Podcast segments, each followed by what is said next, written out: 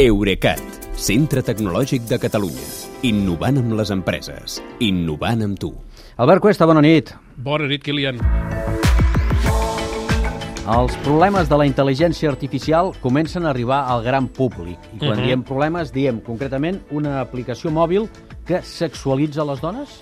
Uh, jo crec que havia de passar. Uh, en els últims mesos, eh, n'hem parlat, uh, hi, ha, hi ha hagut grans avenços amb algoritmes d'aquests que generen imatges a partir d'ordres de text o fins i tot que simulen diàlegs coherents entre humans i màquines, com aquella prova de xat GPT que vam fer la setmana passada. Sí. Uh, fins ara tot això uh, eren sobretot curiositats experimentals per a iniciats, tot i que t'he de dir que ChatGPT ha superat el milió d'usuaris registrats en només 5 dies i això és 15 vegades més ràpid del que ho va fer Instagram i 30 vegades més que Spotify. Però eh, la cosa és que ja comencen a sortir aplicacions mòbils que fan realment més senzill l'ús d'aquests algoritmes i quan s'amplia l'abast és quan sorgeixen els problemes de debò. Aquest seria el cas d'una aplicació que està ara sent utilitzada, que s'anomena Lensa, oi? Lensa. Lensa és una aplicació de retoc fotogràfic per mòbils Android i iPhones que, de fet, existeix des de l'any 2018 i té Ah. les funcions... Sí, aviam, eh, ja té, ja tenia les funcions habituals de treure les arrugues per semblar més jove, allò de canviar-te el pentinat o el color del cabell, fer-te més grossos els ulls, inflar-te els llavis, desenfocar el fons de la foto, posar-ne un de diferent. Però és que ara li han afegit una funció que es diu Magic Avatars, que a partir de la imatge teva, de les imatges teves que li proposis, que li puges, en genera, eh, amb intel·ligència artificial, clar, d'altres que són totalment sintètiques, amb estils molt diversos, perquè les puguis posar com a imatge de perfil a les xarxes socials, quedant molt bé, molt espectacular, o jo que sé, el teu clon del metavers, si és que hi ets. Ja, això es paga, eh? Ah, sí, aquesta funció de màgica d'avatars màgics és de pagament. Per 5 euros et donen 50 versions de tu mateix, diguem-ne, per 7 euros en tens un centenar i per 9 i mig no en tens 200, que en realitat són 20 variants de 10, 10 estils diferents. I són aquestes selfies suposadament millorades d'un mateix, eh? Eh, En el Sí. cas que en algun cas es pugui millorar, eh? De, eh, deixem-ho. Espera, espera, a- a- ho has, ara has dit una cosa molt interessant. D'un mateix o de qualsevol que tu li pugis, perquè Ah. eh, una de les coses que pot passar és que tu pugis imatges d'algú altre i et generi eh, var variants que aquesta persona eh, no ha demanat. Ja, que encara pitjor això. Encara pitjor, m'ho sí. Eh, I és això, anàvem aquí, eh? que té el, el clar viatge sexista que deies. Sí, eh, sobretot si ets dona i tens trets asiàtics, com és el cas de la periodista Melissa Haikila. Eh, resulta que aquesta dona ha comprat el, va comprar el paquet de 100 imatges, aquests que dèiem, que costa 7 euros, i amb 16 de les 100 hi surt despullada, i amb 14 més porta poca roba i fa postures obertament sexuals. I, i això no passava amb cap de les fotografies que ella va pujar. Ja.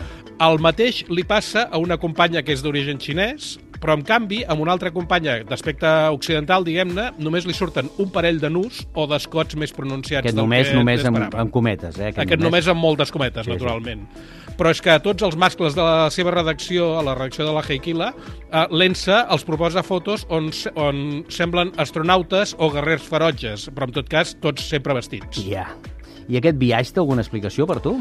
Uh, sí, el que passa és que l'ENSA és la primera aplicació mòbil, diguem-ne, comercial que fa servir el model Stable Diffusion de generació d'imatges amb intel·ligència artificial, perquè sembla aquest model uh, està entrenat amb milions, potser jo diria fins i tot milers de milions d'imatges que estan agafades d'internet, i la majoria de les imatges de dones asiàtiques que hi ha a la xarxa resulta que procedeixen o bé de contingut manga o anime o són directament pornogràfiques.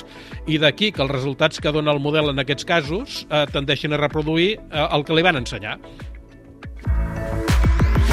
Molt bé, doncs explicació que la tenim. Però i remei, en té això?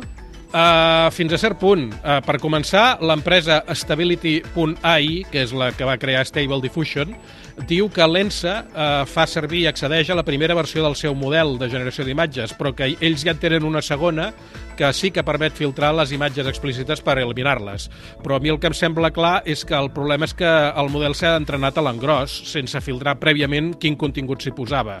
I això deu ser perquè triar manualment entre milers de milions de fotografies és molta feina i costa molts diners. Ja, però algú ho haurà de fer si no volen o no volem tots plegats que aquest viatge i molts altres que puguin sortir siguin cada vegada més presents, més habituals, no? Home, jo recordo, per exemple, un cas que de- de mode- d'aplicacions d'intel·ligència artificial que detectava que quan veien una persona de color negre, diguéssim, eh, ja li assignaven el, automàticament la categoria de sospitosos i resulta que és que estaven entrenats amb imatges de, de presidiaris, diguéssim. Clar, clar, I sembla que- que... als Estats Units n'hi ha més de raça negra que de raça blanca, diguéssim. Això és eh, tal com els entrenis, eh, per tant, fem sí, bons de- entrenaments. Aquests models, aquests models d'intel·ligència artificial ara em, en, en diuen que són lloros estocàstics, que no fan res més que repetir el que se'ls hi ensenya i Doncs- passen aquestes coses. Mira, o sigui que tant de, tant de bo que algú s'ho treballi millor. Sí, home, ens ho hem de treballar de lloros, n'hi ha de simpàtics, però els hem de vigilar una mica.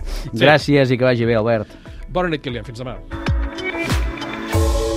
Eurecat, centre tecnològic de Catalunya. Innovant amb les empreses. Innovant amb tu.